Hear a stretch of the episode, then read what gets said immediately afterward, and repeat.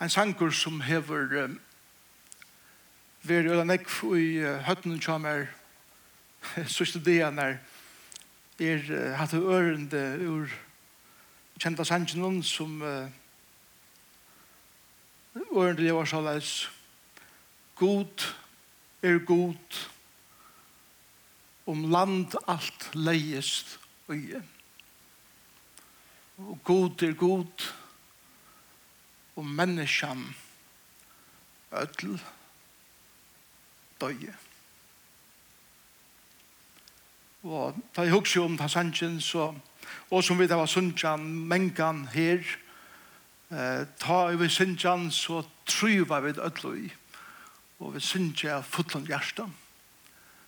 Og som egen i kjøkken møtes med å sunnsja, så nikker vi i hjertet at om landet skal leggjast øye, og om menneskene ødeldøye, så er god, god. Og til høyrest Roma og i bygningen om hvordan vel vi synger vi. Vi standas herman om uh, alt det utrolige som løyve bjøver, inntil det gjerst en barsk, altså en barsk verleik, at landet lekst øye. Og skolar det atter badna er lukka. Sankommer stanje horanar Folk fer ikkje ut. Folk vil helst hava frastøve. Folk vil ikkje komme for nær. Folk vil helst være ansamøtl. Og vi sutja i egene som vi hittar om okken er at menneskene ødel døye. Det vet vi ikke ødel menneskje deg, men nek, nek menneskje er deg.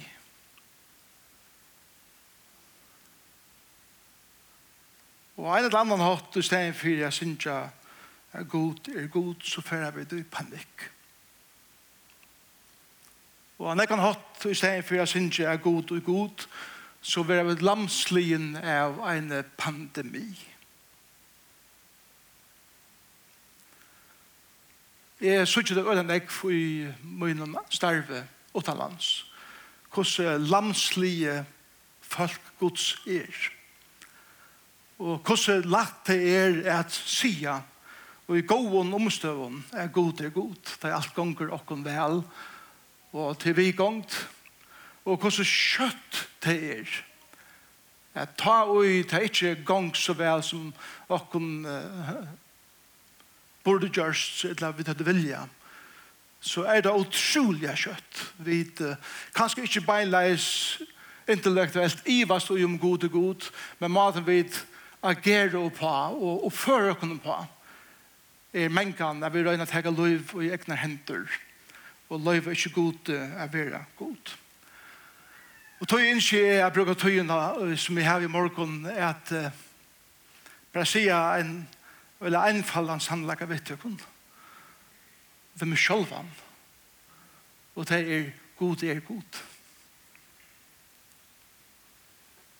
god er god han har ikke sleppt hesten heime han har ikke sleppt der Han har ikke mist kontroll av omstående, Han er hins hjemme. Og han gjør et underfullt versk og i hese vir. Kristus er Kristus. Og han gjør det som han alltid har gjort.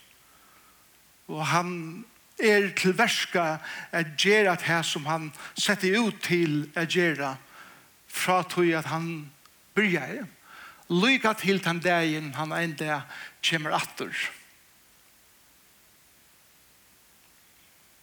Læt deg omgang du lyga mykje hvordan okra løy ser ut, lyga mykje hvordan smågongten er i okra løyve, lyga mykje hver vi befinner okken i løyven, lyga mykje hvordan skuffa vi der, etla sart vi der, etla even som kommer inn i okra løyv, læt deg omgang du missa egin av, er god er hins hjemme og han hever samme hjerteleie i fyrt her som han alltid har haft og fyrt mer vi.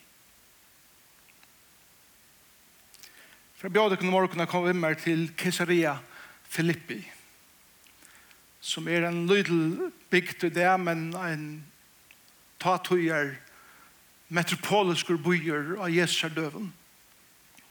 Han ligger norrlige i Israel, og Arjen han fikk navnet Caesarea Filippi, er at han Banias, som han enda i det var kalla av araberen og eisende jøden.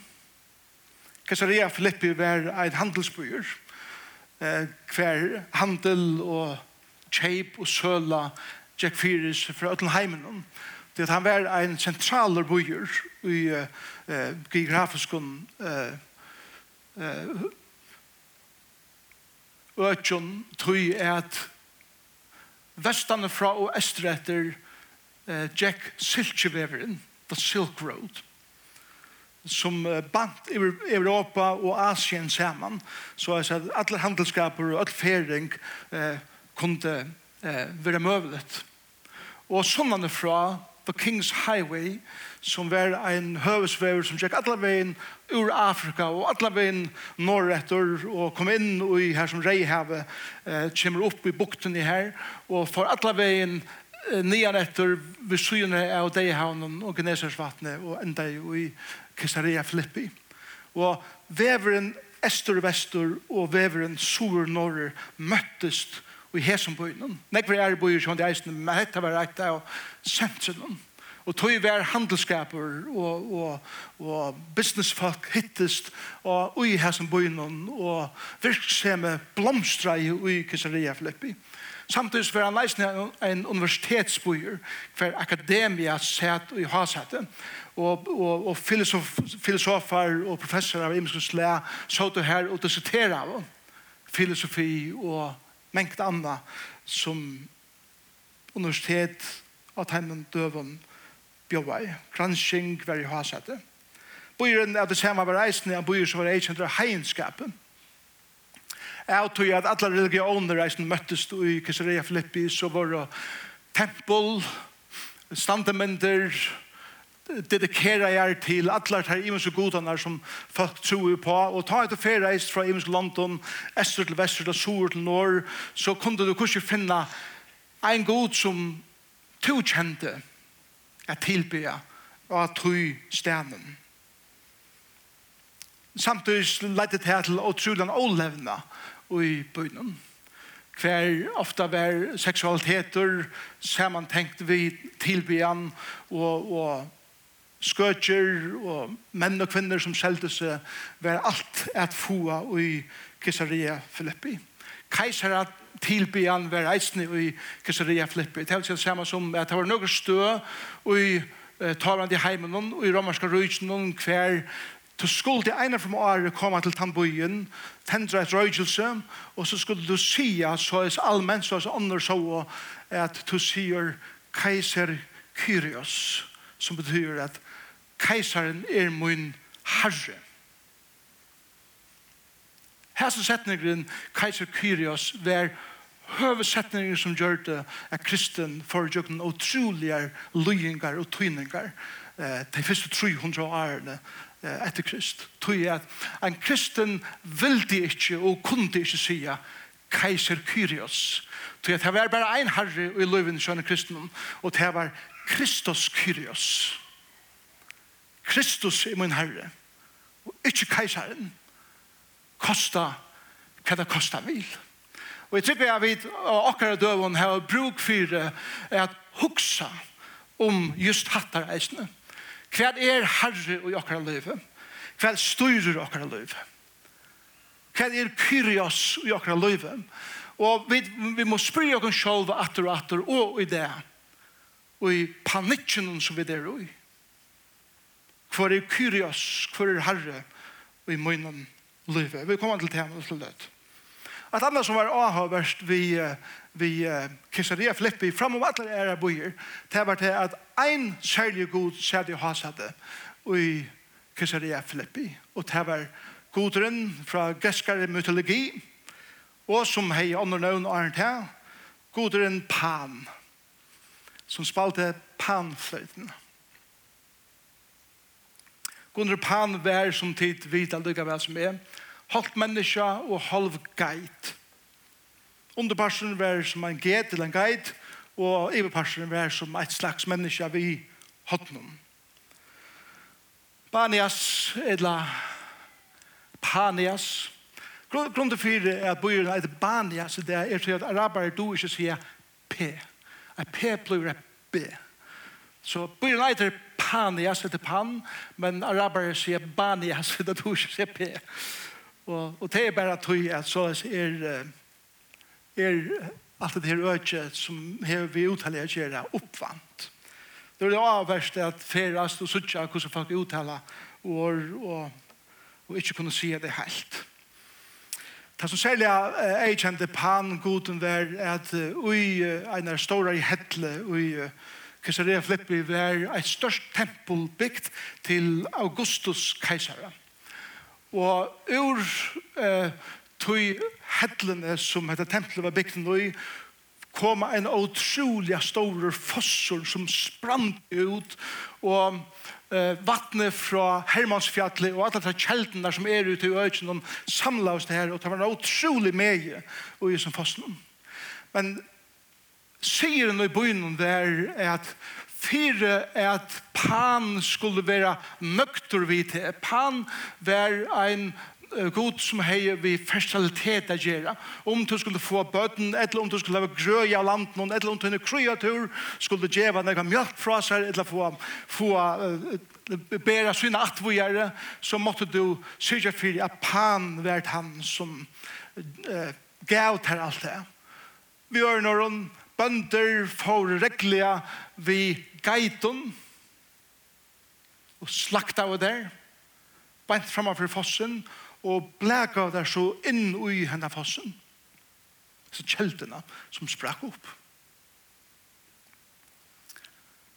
Så kjeldan var reglige blårei det var som grinta på det, det var rett vatt som sprant opp så det var lekvislet ut og, og, og øtten var at om min guide tar jeg blekan og ikke flyter opp at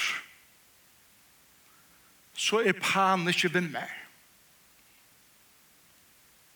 Og jeg tror at det var en fossor og en kjelda, så var det sånn eksiskulasjon at som oftast kom guiden ikke opp at Så folk levde i en støvun øtta.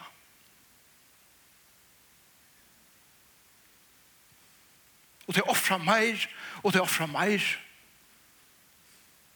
og bønder som kanskje åttende er foar, eller fra kreatur og, og geiter, gå til sånne sørste geiter som det er åtte, for å gjøre panglian.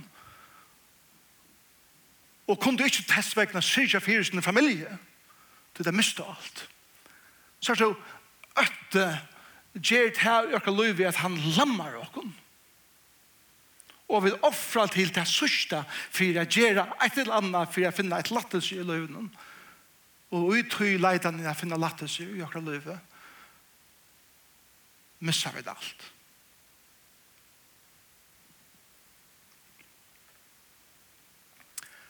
Vi er det til at noen år kommer fra goden om pan, panikk, kommer fra årene, eller fra goden om pan.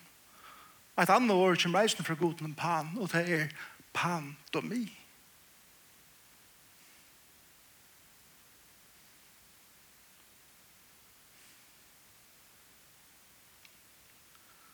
Og det tidsest for meg. Og det vil hele tidsest bevisst om det. At god er en pan som er halv guide og halv menneske, sitter i hasade i heimen i det. Kan vi då fliva en pandemi og vi öll er i og i panik. Og Jesus sier vi sine lærersvenner i Matteus 16. Da han fer vi sine lærersvenner beint inn i hendene hettene byen. Og han fer til hettene her som ødel, alterne og templene våre. Og han spyr til en ekkelig einfallende spørning. Og det er kvann sier tid med vera.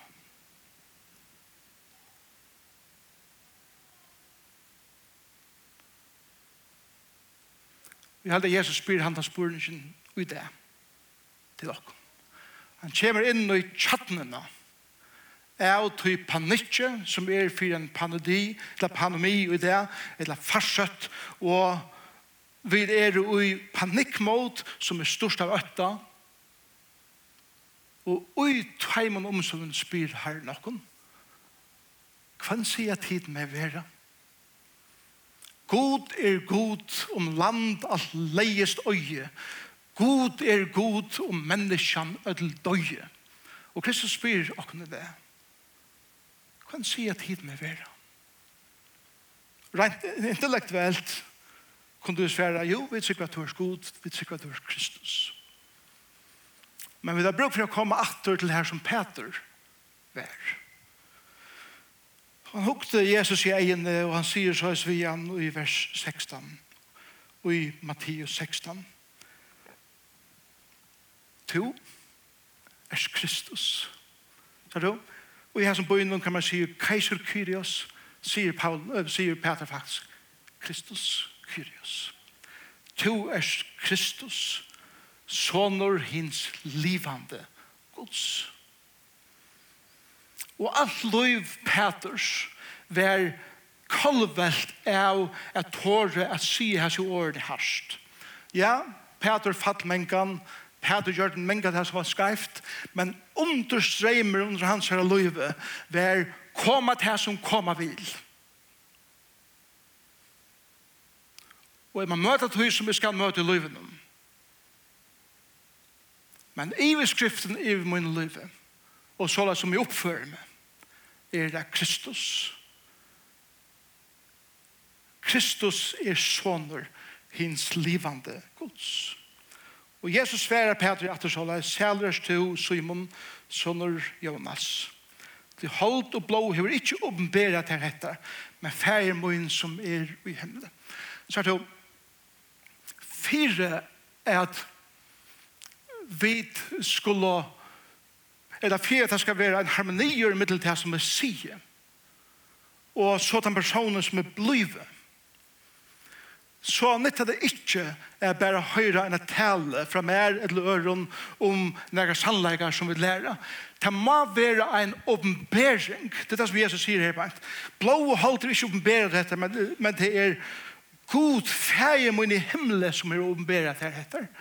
Vi må alle Hver einstakker okkara, om okkara liv skal være kolvelt og ikke størst av øtta, og panikk i en tøy som hes her, så må vi hava en åpenbering av hvor Jesus er. Og fægeren viser okken til. Hver får vi til? Jeg har jeg seneste steg vi man kan få det er nemlig at Her som det er så deilig og godt og beheilig at være. Men det var ikke så ofte, ikke før det er veldig målgang til løven. Og veldig vognprå til løven. Og panikker har veldig ho er gru på dem.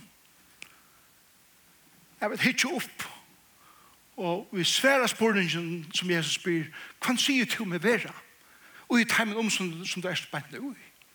Og vi råpa til Herren om, Herre, vis meg for to verst. Og vi skal få en åpenbering. Men kan være hun ikke i salen hun her beint. Men kan være hun kanskje bære med å køre bil.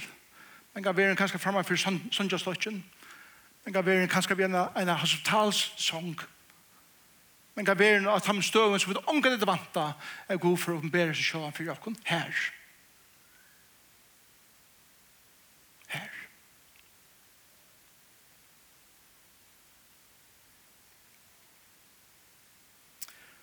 så sier Jesus vi Peter, du er Peter, og her som klette skal jeg bytja sankummer, sankummer møyna. Og postur helvedes skulle ikke få vald av henne. Amen. Jeg, jeg anker det uh, ikke til akkurat som men jeg har en fyrir fyrir at han fosseren og han kjeltan som sprakk opp her ved Augustus tempelet. Tid av onkla av dere nu langt veri her, sammen vi mer. Um, Framafyr til Hetle. Til Hetle var kattla fyrir Porsche Helvetes. Det er helt til at, til at pan godren lærte at hatt av stege er akkurat som inngongten inn og i degar og ikke. Hugsa det kunne ikke ekvis det var ta og i dette reia blået av vattnet sprakk opp og, og totalt øttaust. Og ta helt at hatta var inngången inn og i kjolt det er ikke. Og Jesus stendur og hettlen i herbeint. Og han peikar til at det her, han den fossen altså kjeltene, og han sier, kjolt hattar som fær panikk ut ekra liv, og som styrer tekra livet, og som fær tekra øttast og reagerer i øttast Det skal ikke ha valgt at hun som er færdig om vi. Og da Jesus sier, å, her som klette, så mener ikke vi Peter, som vi halda til. Det halda ikke. Sankom og Guds er ikke grunn av mennesker, han er grunnt av at Jesus sier bare til seg selv som kletten. Det er guddomlige ui hvor Kristus er. Er Kristus som god, okkar god er god, som Kristus er, som er allmåttivur, som er altvitande, som heldur öllum universum hver er planet, hverjar stjøttene, hverjar, hverjar stjøttene skåte, og hverjar som er i luftene, hever han sier Isaias, give navn. Det er ikke ein stjøttene og ikke en planet her ute i universum som man ikke kjenner til funner. Og innu i okkara mikroskopiska univers inne i okkar likame. Er det ikke ein kikna? Ikke ein vera. Ikke ein virus. Som han ikke kjenner navnet. Han hever total kontroll av ötlun. Men så sier han et annet halvt i eisene. Men slå årgås ut tvoja ikke. Ja. For han sier, av hesen klette. Da vi vet ja, Kisaria Filippi der, så sier vi at alle byer var bygder av hedle. Og her som templene våre var hedle. Og det som Jesus sier alltid er til at og hese hedle, til å se det samme som at og verleikan er som hetta lyve her gjør ser ut i teimen omstøven som vi lever i. Vær det handelsbøyer, vær det en akademisk bøyer, vær det ålevnavur, vær det tilbjørn av ødelmøyelig det folk som, som kommer og færa i jøkken bøyen, og han blomstrar som han bøyer, og, og alt det som gonger mot kristendommet blomstrar ut i bøyen. Og i verlegene av tøy, og i verlegene av kletten og landene som alt det her er bygd av. Skal jeg bytja samkomma møyna.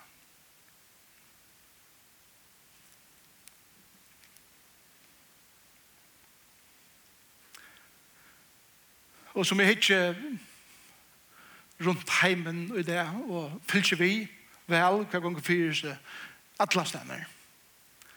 Så sørger vi hvordan jeg samkommer lukka. Så sørger vi hvordan bengi gods folk er Vi sørger hvordan pandemien og panikeren styrer akkurat livet og i øtta.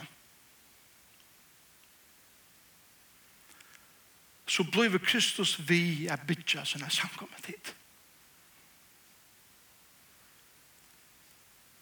Om vi leser oss inne, om vi gjør oss totalt passiv, om vi gjør oss til genga møte, om vi gjør oss at, at heva samfunnet vi akkurat brøver og systrar, så er Kristus stadig gongt vi er bytja syna sankumme. Sankumme er ikke det som at han har hesa pandemien og i, og i lenge tog. Nek folk, eisen i fargen, har funnet langt og nå funnet seg nødja venner, sånn er det.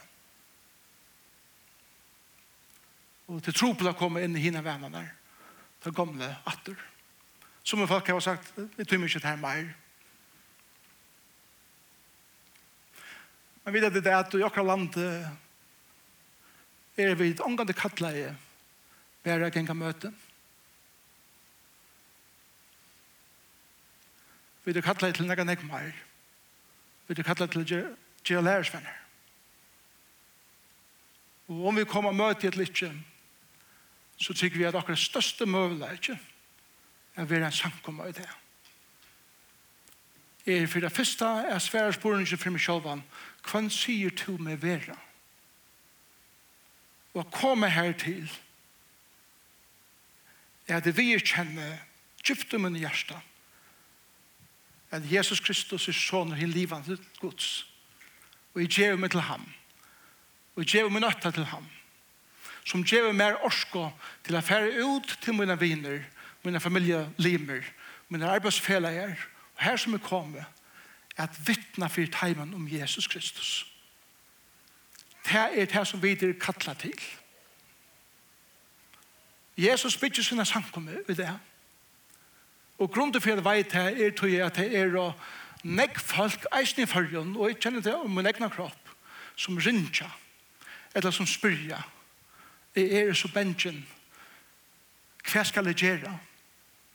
Og folk er så åpen for at høyre båskapen om at Jesus elsker deg, og han døg for deg av krossen. Folk i Italia her som jeg arbeider, rinja reglelige til samkommer, og benka reglelige på om fortell meg om Jesus. La meg høre om hendan Jesus som du tar om. Det er talvis ikke være nega annars som jeg kan gru på i, i min liv. Men nå. Jesus bør vi å bygge sin samkomme. Han bytja under støvun hver det særlig trobult, som ikke bare er stort pandemi, men utrolig nøtta. Afghanistan, vet du. I sørste viko var det et håndboltsli som har vært i Vester i Europa og bare spalt håndbolt. Men bare er tog at her jentene, og særlig at det var jenter, bare av til å finne smakke av Vesterheimen. Og på en måte kanskje ta seg om det i Afghanistan. Og i sørste vike kærtid var det her atler trippner. Bare for å være kvinner og bare tog jeg til å finne smakke av omkring øren. Professorer og akademikere som har undervist og universiteten og ut i samme landen som har utbyggving vestene fra. Gøyma seg ødel i byen og i Nord-Afghanistan i det. Til det vite at herren leider etter dem, ikke enda av dem. Og just i tøy landen i det springer samkommer opp. Og folk streima til Jesus. Folk får sjåner av Jesus som leiet hei til omkran at høyre evangeliet. Det er ikke fyrren vi verlig oppleve nære på at panikker er ikke mye akkurat liv. Og vi ui panikken får en opp for at God er god og at Kristus bygger sånne samkommet at vi begynner å få at det dirve at å ha en simpel simplan einfaldan hatt i akkurat egna landet i fyrgen. Fortelja menneskene at Jesus elskar deg. Og horan er, er nekvåpnar hjemmet halta. Sjálfur halde jeg at det er deilig vi har møte som i morgon og at vi er saman, men jeg halde vi burde ha haft hennes helen åpnan atla tøyina. Ja, ikke lagt mer enn 20 folk inn bare nå til, men vi ser fullt av smaven tiltøk, og en drekka måneder, og anker er her a bia for anker, eller selen her er åpen, vi tonleikje, og vi hattaleren, og folk kommer inn og ser seg her frie, og her var en stilla stund, vi god. Han ljøs og i sin bygning, Her var folk i sin bygning som sier, jeg kan være en tøyma, Jeg stod meg inn til det, og noen andre andre tøyma, og så vi er. Og vi er som sitter her, er aktive til fri eia, at folk kunne komme inn her beint. Og om så ikke skulle komme inn, så kunne vi være her i bøn, og sikne henne bo i dette land. Så er det vi må ikke. Ja, vi skulle fylle til med alt det der finnesle, men vi må ikke lete øtta styr okkom. Og halda okkom bort.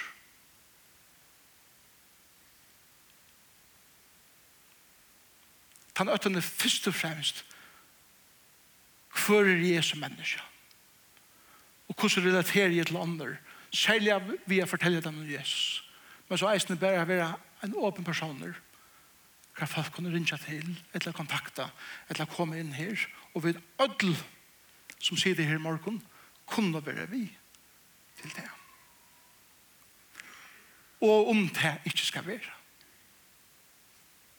Kjære tid?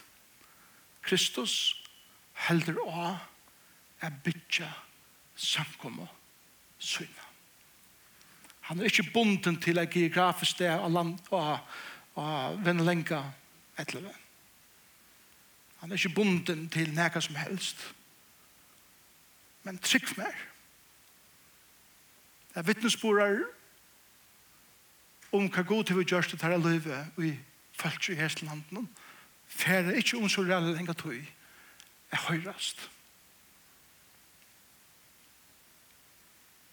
Jeg er sikker sjolver. Jeg heter fyrreising til en veldig avvetsing og hevne det. Da vi kommer ut ur hesen, sikker vi er folk fra for en og fire. Er god er god, om land alt leiest øye. God er god, og menneskene, ødel, døy. Vi husker om det her i måned til leiver i morgen. Er leiver deier? Nei. Han er sprellivand. Han er finnes ikke alle der som er dårlig gjort likam hever i det. Nei heima til herran. I brev brev ta seg om skæran, vittnene, skæran som er i himmarunen. Han er færen på ut hans skæran i det. Han er heima og i himmelen og i tyskæran. Han, han heppar okken. Jeg halda av i det.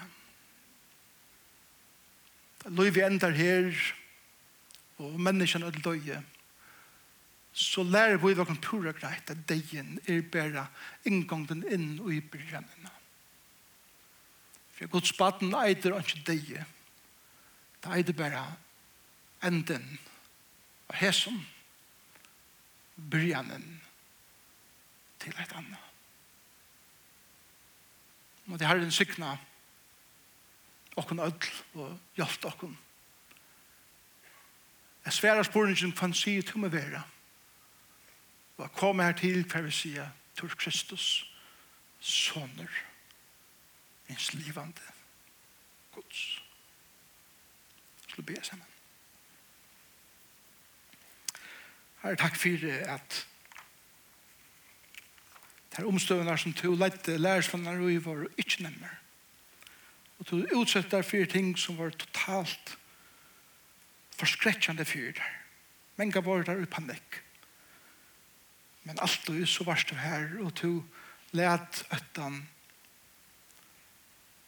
forsvinne, og i hesten årene øttest ikke.